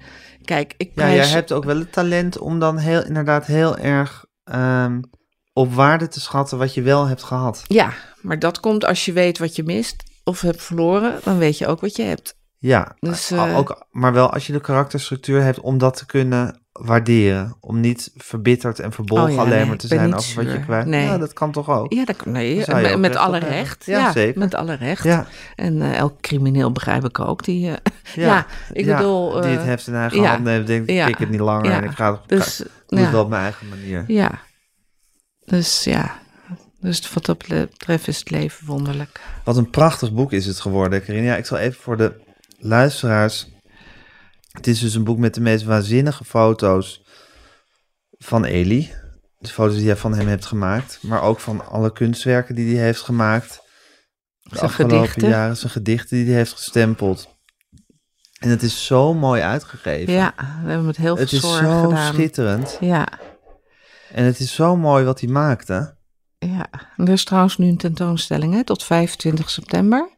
Waarbij dit boek een onderdeel is van de tentoonstelling. Waar is die? in het Stedelijk Museum Kampen. Waarbij eh, dus kartonwerken worden getoond uit dit boek. Maar waar ook de meest recente schilderijen, voordat hij zo ziek was dat hij niet meer kon schilderen, zeg maar op linnen. Ja, Dat, eh, die zijn daar ook, Oh, worden daar ook zeg. getoond. het is ook een heel erg leuk museum in Kampen. Dus eh, ik ben er nog niet geweest. Echt niet? Oh, het is Nee. een heel leuk museum. Ik ben nog zelfs niet naar de opening geweest. Het is nog natuurlijk allemaal heel vers en rauw. En dus het moet nog even. Vind je dat moeilijk om daarheen te gaan? Ja, vind ik wel heel moeilijk. Ja. Dus ik vind vooral uh, weer dingen publiek doen heel moeilijk. Dus kijk, dit gesprek, één op één, dat kan ik is goed. onder ons. Maar ik vind het uh, gewoon naar buiten gaan en dan aangesproken worden door mensen, ja. vind ik heel moeilijk. Of op de markt. Ik durf niet naar het Waterloopplein. Ik kwam daar altijd met Eli elke dag. Nou, daar durf ik echt niet naartoe. Weet je, zo van. Maar ik weet ook dat heeft tijd nodig en dat komt alweer. Maar dat vind ik wel moeilijke dingen. Dus voornamelijk vind ik het heel fijn als kleinkinderen hier zijn en met hun leuke dingen doen. Dus uh, dat vind ik echt heel prettig. En daarmee, ik, met hun kan ik makkelijk naar een speeltuin of park. Dat vind ik niet uh, erg. Maar dan ben je, uh, ben je gewoon oma, anoniem en ja. weet je wel zo. Maar ik vind het wel moeilijk. Ik zie, ik zie ook wel als ik goede vrienden van hem zie. En dan, ja, dan heb je gelijk die connectie natuurlijk. Van, dat vind ik wel moeilijk. Dat, maar goed, het is anderhalf maand geleden gebeurd. Dus, uh, Carina, je hebt alle recht dus, om, om, het, om ja. het te doen zoals je het wil. En je, dus, je, bent, je, je, je weet in elk geval heel goed wat je wel en niet wil. Ja. Het is niet gewoon zo dat je nu steeds toch tegen heug en meug toch naar het Waterloopplein nee, loopt... omdat nee, je nee, vindt dat je dat moet doen of zoiets. Nee, nee, nee. Nee, nee, ik, sterker ook... nog, ik ben heel erg van de school, denk ik, van je hoeft niet alles. En uh, weet je, mensen gaan wel eens van die... Uh, ayahuasca of scheeltherapieën ja, ja, ja. of oh, reiki, dat alles moet uh, herbeleefd. Nou, ik denk wel eens, laat maar lekker dicht. Ja, Weet dat, je is ook, dat, dat, is ook te, dat is ook je, waarom je wars bent, behalve vanwege de hokjes van psychologiseren misschien. Ja, ja. je denkt, waarom, ik, moet je, waarom moet je het allemaal weer omploegen ja, en bovenhalen? En op zijn tijd. Ik je, bedoel, het komt heus wel eens ooit iets, maar het hoeft ook niet allemaal. Nee. Waarom, weet je wel? Ik heb, het, ik heb het wel geprobeerd. Met circus bijvoorbeeld, circusmensen kennen mij natuurlijk. Dus toen ik het boek Zonder Moeder had geschreven ja, toen werd ik elke keer uitgenodigd. En op een gegeven moment zei Eli, misschien moet je het gewoon doen als soort therapie, ja. weet je wel. Dus Circus Rens had me uitgenodigd. En nou, oké, okay, ik ga daar naartoe. Maar ja, circus is heel veel, hè. Dat is en ja. de geur en de show en de het is veel mensen. Het is heel veel. Ja. En, uh, uh, en wat ze dus ook nog hadden gedaan, ze hadden de goochelaar die bij ons werkte, die inmiddels 40 jaar in het vak zat, hadden ze uitgenodigd, wat ik niet wist. En uh, die hebben ze in de piste geroepen en die hebben ze gezegd van, nou, je bent 40 jaar in het vak, dan krijg je in het circuswereld een oorkonde. En uh, ja, en uh, weet je nog waar je begon? Ja, Circus Roberti is het circus waar ik mee reisde.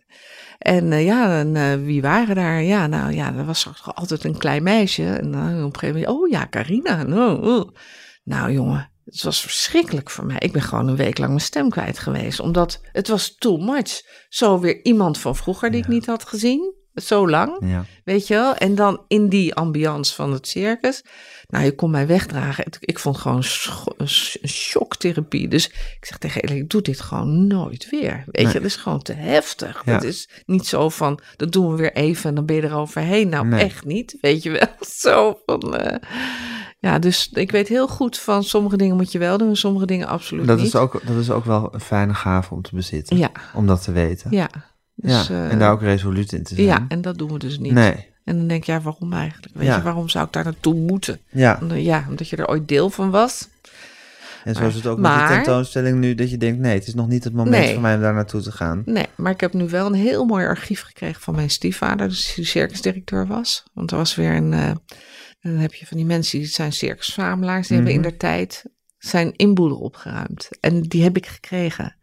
Nou, dat is echt fantastisch. Dat gaat weer wel een mooi boek worden. Ja? Ja, want dat, dat, Wat ga je dat daarmee is doen? archiefmateriaal wat niemand gewoon heeft. Dat is een inkijkje in het leven van de circusdirecteur. Waarbij je moet je voorstellen, dan heb je archief van allemaal artiesten uit die periode, uit die tijd, die vragen of ze hun nummer bij jou mogen, hoeveel dat kost, eh, wat Ja. daarvoor nodig is. Waar haal je gedresseerd leeltje vandaan? Ja. Eh, waar koop je die eh, chimpansee Ja. die dat en dat kan? Ja, Alles zit daarin. Ja. Dat is, ik heb het laten zien bij bijzondere collecties hè, van Amsterdam. Nou, die wilden natuurlijk dolgraag hebben. ja, Want zo'n inkijkje krijg je gewoon alle brieven die je hebt met de gemeente, met Ja. ja, ja noem maar op. gewoon het gedoe om Het- een circus te Eh, runnen. Ja, om een circus te runnen. En, dat is, eh, en ook nog prachtige foto's. En ja, en hij heeft ook heel veel meegemaakt. Hij is aangevallen geweest door een leeuw, weet je wel. Hij is, nou, alles heb ik nu. Gewoon, dus dat is prachtig materiaal. Inkluizen posters en de, noem maar op. Dus Ja. dat vraagt weer om een boek natuurlijk. Dus eh, kan niet wachten om daaraan te beginnen. Maar eh, eerst nog een deel van het muishuis. Ja? Ja, daar ben ik nu mee bezig, ja. Dus, eh, Snap je het soms, dat muizenhuis? Of denk je soms, hoe is dit Ik snap toch, het heel goed. Hoe is dit toch allemaal gebeurd, dat muizenhuis? Nou, wat ik heel goed snap is waarom mensen zich eraan laven. Dat is namelijk omdat je er gelukzalig van wordt. Ja. En dat is toch wat mensen willen. En uh, blijkbaar is het voor iedereen herkenbaar. En blijkbaar, en dat doe ik bewust, ik doe er bewust elke keer elementen in waardoor je herkent waar het van gemaakt is. En dat prikkelt de kinderen, oh, dat kan ik dus ook maken. En dat gebeurt wereldwijd. Of het nou een jongetje is in uh, Ethiopië of een, uh, uh, een ander Ja. een kindje ergens in een Aziatisch land of in een Scandinavisch land. Of, maakt niet uit. Het, het gebeurt gewoon bij die kinderen. En het fijne is dat ouders die herkennen ook dingen erin. Dat heb ik ook bewust gedaan. Van, ik vond die dialoog zo, zo fijn als je als oma of als vader of moeder kunt zeggen: Oh, zo was het bij ons ook. Mhm. Dus ik heb heel goed gekeken naar stoffen uit bepaalde periodes. Of, en dat verwerk ik er allemaal in. En daar voelen dus ook volwassenen zich heel erg fijn ben, bij. Ja. En ook dat kind in jou mag weer even bestaan. Ja. Weet je wel? En, dus, Hey, ja. en die gelukzaligheid, eh, Carine, van dat muizenhuis, uit, huis, uit welk gevoel put je dan als je dat, als je dat gevoel oproept? het besef dat het heel belangrijk is dat je zorg en, en dat je omgeving veilig is. Dat dat een soort oerdrift is of een oer Oerverlangen, verlangen, een element is wat je nodig hebt om überhaupt het leven te leven. En ik Heb heb, je het gehad toen je moeder nog leefde? Ondanks de vijandige omgeving ja, waarin jullie zaten? zeker. Het fijnste wat ik altijd vond was, eh, het was heerlijk om bij je moeder in bed te slapen. En dan sliepen we ook altijd nog lekker bloot tegen elkaar aan, dus dat gevoel. Ja. En, maar dan, zij vertelde over haar wereld. Hoe ze papaya's plukte. Dat kenden wij niet hier, papaya's. Haar wereld was een hele andere. Zij ging met haar vader het oerwoud in. En, en daar waren slangen. Ja. En de boa's waar ze overheen moesten stappen. Of, Mhm. nou ja, weet je, al die hele, dat hele tropische, wat je hier niet gewoon kende toen. Dat kon zij heel beeldend aan mij vertellen. ja. Dus dat is heel fijn en heel geborgen als je dat hebt. En niet verstoord door een televisie. Hoewel ik dol was op televisie hoor. Want ik, eh, aan de overkant zag ik bij buren, woonden in een flat. En dan en had je, zag ik heel vaag zwart-wit schijnsel van Ja. zo'n televisie. En dat zoog je op. En dat, dan hoorde ik, ik ken nog de liedjes van de Flintstones en Comedy Capers. Ja. En ik weet gewoon, Comedy Capers nog steeds niet, nou ik zou het kunnen opzoeken hoe het eruit ziet. Ja. Maar gewoon die liedjes hoorde ik. En dan zag ik een vaag schijnsel in de verte. Ja, maar vond je magisch. ja, en eh, ik moet je stemmen. Want ik, eh, op een gegeven moment kregen we een radio. Ik zal ook nooit vergeten dat we hem voor het eerst kregen. En dat zo'n ruimte zich ook vult met geluid. Dat, dat, had, Mhm. dat kende ik niet. hè, Dat Nee. er een ander geluid in je huis is. En eh, ik weet dat er een stem was van... eh, er was al een presentator aan het eind van de dag... en die deed verzoekplaten. Stan Huigen, denk ik dat die heette. En eh, ik vond die stem zo verschrikkelijk mooi. Daar, daar kon ik gewoon... Ja, daar, daar dat van genieten. Kon je zwelgen in die stem. Ja, echt zwelgen. Ja. En later had de radio weer een andere functie. Dan, toen ik alleen was, was ik ook bang als kind. Hè. Dan was eh, in mijn eentje, twaalf jaar, in zo'n verwaarloosd toestand. En ik had het koud. En ik had mijn hond. En, eh, en ik was gewoon, het was donker dan ook zaterdag, dan was ik bang. En dan had, je, eh, had ik de radio aan. En dat was dan heel fijn dat je het nieuws hoorde. Hè, hier is de, de radio nieuwsdienst van de ANP. Weet je, dat was Ja. toen zo. En eh, ik zal ook nooit vergeten het liedje van Michael Jackson. Was toen in het liedje Ben. En dat ik in bed lag en dat liedje was. En ik, ik had die ervaring, dit is het mooiste liedje wat ik ooit heb gehoord. En waarschijnlijk was die heel erg van toepassing Ja. op mijn situatie op dat moment. Maar dat Het gaat over zijn rat, hè? ja, over het, Ja. ook het gemis en het. Ja, en- ja en, eh, maar ik was me niet bewust hoor van de situatie waar ik in zat. Dus het was Het niet is ook zo. een van de allermooiste. Het is ook een schitterend lied. Ja, het is echt een mooi liedje. Maar het is niet zo dat ik me bewust was als kind dat Nee, die nee, nee, dat situatie snap ik. erg was. Nee. Dat niet. Daar heb ik me later wel erg over verbaasd. Dat ik dacht van, je bent toch kind ook eigenlijk maar... dat is toch wat ik zei. Je bent als kind overgeleverd Ja, aan de situatie. aan de- En je schikt je daar altijd naar. Wat het ook is. Ja, Een kind schikt zich er wel naar. maar dat is misschien wel de driver om ik het muishuis volhoud. Omdat ik, ja, dat wil ik toch wel kinderen bieden. Ook al, al, al zit het niet mee thuis. Maar als je zo'n boek openslaat dan zit het wel mee. Weet je wel, daar kun je toch Ja. iets van meekrijgen. En ik moet je ook zeggen dat misschien, weet je, het fijne van creatief bezig zijn is je bent van plan iets te maken. Je weet niet of het je lukt. Dan ga je het doen en soms moet je het over en dan nog een keer over. En de oefening baart kunst. Mhm. Maar het geeft je ook tools om problemen te overwinnen. Een soort euforisch iets te ervaren van, oh, het is me gelukt. En ik denk dat dat creatieve aspect dus heel belangrijk is voor kinderen. Dat Ja. je dat soort kleine geluksmomentjes, dat je dat kan ervaren. Al is het maar aan een, een, een ja, whatever wat je maakt. Ja. Maar dat je de tools geeft in je Mhm. latere leven om, om, om het leven te leven of te doorstaan. En daarom, daarom, ja, en mijn kinderen hebben wat dat betreft diezelfde gevoel erbij en overtuiging. Dus daardoor zijn ze ook in staat om dat heel erg goed Ja. vorm te geven in dat bedrijf wat we hebben. Van hoe maak je dan die vertaalslag? Want dan zeggen ouders, ja, maar ik ben niet zo handig. Ik zeg altijd, pak een doos. En, en zeggen ouders, ja, maar ik ben niet zo handig. Nou, dan bedenken mijn kinderen wel een manier waarop je het zo kan vertalen, waardoor het toch mogelijk is Ja. dat je met minimale middelen iets leuks kan maken. Ja. Nou, dat is heel fijn, is dat. Dus, dus ja, daardoor is het wel de moeite waard. Ben je nou zo iemand die opziet tegen de komende tijd?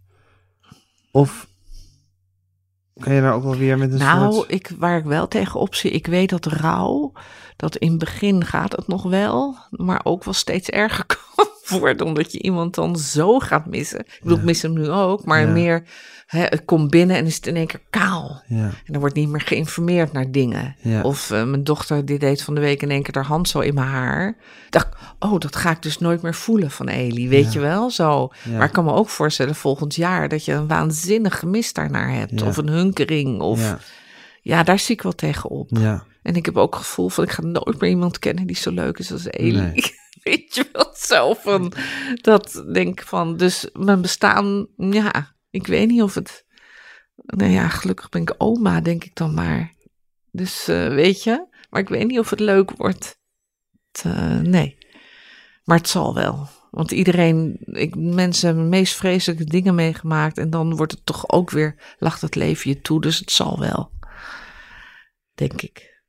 ik weet het niet. Je kijkt me heel lief aan. Ja, ik, vind het weet het niet. Weet jij het? Weet ik jij weet het ook niet. Ik weet het Nee. ook niet. Nee, behalve dat het leven soms hele onverwachte wendingen kan Ja. nemen. En dat je het nooit weet en dat het wel fantastisch is dat je zo'n grote liefde hebt gehad. Ja, nou ja, dat denk Dat ik weer wel Ja, van. dat is- dat- weet je, heel vaak eh, eh, bereiken mensen dat nooit en blijft het een hunkering. Dus ik weet, ja, misschien is dat dan je troost. Dat heb ik in ieder geval in de pocket. Dit heb je zeker in de pocket. Ja, Ja. het ding is met het leven dat je het altijd nu wil. Ja, maar zo Ja. zit ik toch. Ik ben niet hebberig wat dat betreft. Nee, Dat, eh, nee. Ik kan wel, ik denk dat ik heel, ik kan heel goed laten. Ik denk dat ik heel goed kan accepteren dat dit het is. Maar ik, ja, missen, of het, ah, natuurlijk lig je af en toe verschrikkelijk te janken in je bed, weet je wel. Maar ja, kijk naar Ik vind boek. dit boek, Carina, het is iets ongelooflijk schitterends. Ja, nu moet ik nog een recensent zien te vinden die het wil recenseren. Nou, als een recensent meeluistert, recenseer... Het is, het is toch waanzinnig. Dat is Het het, is een- mooiste. het is nee, een- maar kijk, er worden heel veel. Het is een kunstboek. Het is een, het is een voor verslag van life. jullie liefde. Het is, een, het is een ode aan het leven. Ja, Het is, eh, het is heel mooi het vormgegeven. is heel mooi. door voor- het is Sabine Verschuren. De Sabine. Verschuren heeft het fantastisch vormgegeven. Het is een heel aantrekkelijk boek. Het is heel mooi gedrukt. Wat kost het, Carina? 49,99. Het is ongelooflijk voor 49,99 euro. Ja, dat kan ook eigenlijk niet. dat je maar dit, goed. dit, dit kan hebben. Ja, Nou, het is, hij maakte zulke mooie dingen. ja. Ja, en in het echt zijn ze nog mooier. In het echt zijn ze nog mooier. er hangt op het ogenblik een aantal werken bij Atheneum Boekhandel op het Spui. Die hebben een ode aan hem gedaan. Ja. dat vind ik wel het meest moeilijke van boeken. Je kan nog zulke mooie boeken maken, maar als het niet onder de aandacht komt, dan verdwijnt het wel gelijk weer na hè, een paar weken is het weg, klaar. Er wordt zoveel uitgegeven. Ja, zeker. Maar Dus, dit, is eh, toch iets, dit is toch iets voor de eeuwigheid, eh Carina. Tenminste, de eeuwigheid zolang, zolang, wij, zolang wij hem meemaken. I hope so. Ja. Nou, ik denk in ieder geval voor een kunsthistoricus is het ook heel interessant om zo'n ontwikkeling van een kunstenaar, maar ook het einde van zijn kunstenaarschap. Dat maak je ook niet vaak mee. Nee. Of ze sterven in het harnas. Ja, zoals of, David eh, Bowie ook heeft gedaan, hè? Ja, ja, ja, En Leonard Cohen. ja. Afscheidsplaten maken. Ja. Het is zijn afscheids... eh, Het is echt schitterend. Ja, dit is wel heftig ook, hè? Oh, als je zo eh, aan het eind van je leven bent Ja, en dan ja, eh, gaat dit, eh, ja. Je hele binnenkant. Maar dit is dan ook wel weer heel ongelooflijk ontroerend, vind ik. Die, dat eh, we zijn boek geworden, dat laatste gedicht. Jij en ik zijn boek geworden. Dat vind ik zo. En dit is echt zijn allerlaatste werk, hè? Dat vond ik zo mooi schaambaar. Maar dit. Het afgelopen jaar is boek geworden en trommelt een bekende klank op mijn beslagen ruit. De dagen gaan vooruit, want ik was mank. Jij en het jaar en ik zijn boek geworden van Neltje Maria Min. Ja, Mooi, hè? schitterend. Dat zijn zijn handen. Op de achterflap. Ja, en op Ja, de. uitgesneden. Ja. Daar. Ja, en dit was heel lang van toepassing. Maar deze zin, ik begin met de opening eh, Mijn van hemel, het boek. wat staat... Ja? Mijn hemel, wat staat liefde de dood in de weg van eh, Clarice Lispector. Dat is een van zijn lievelingsschrijfsters. Mhm.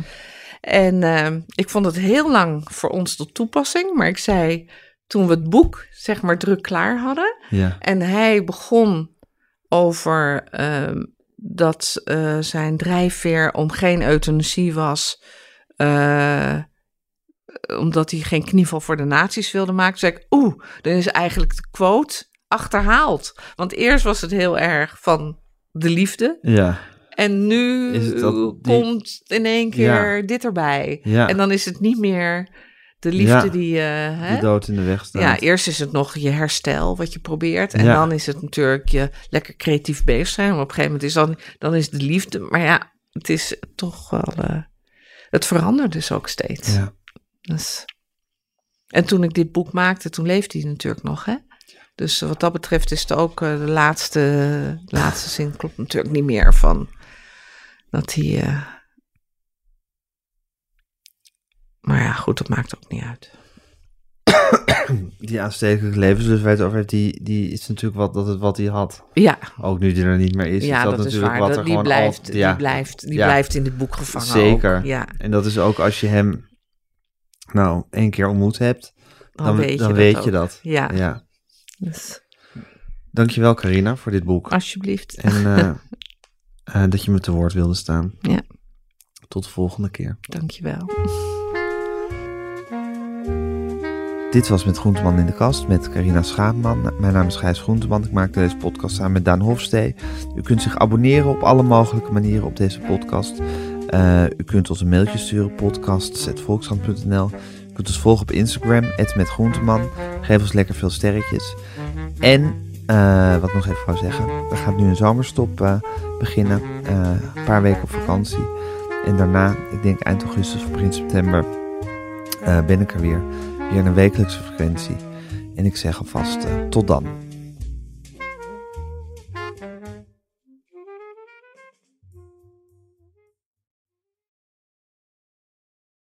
Dit is de gevreesde zoemer die na 60 seconden pitchen afgaat.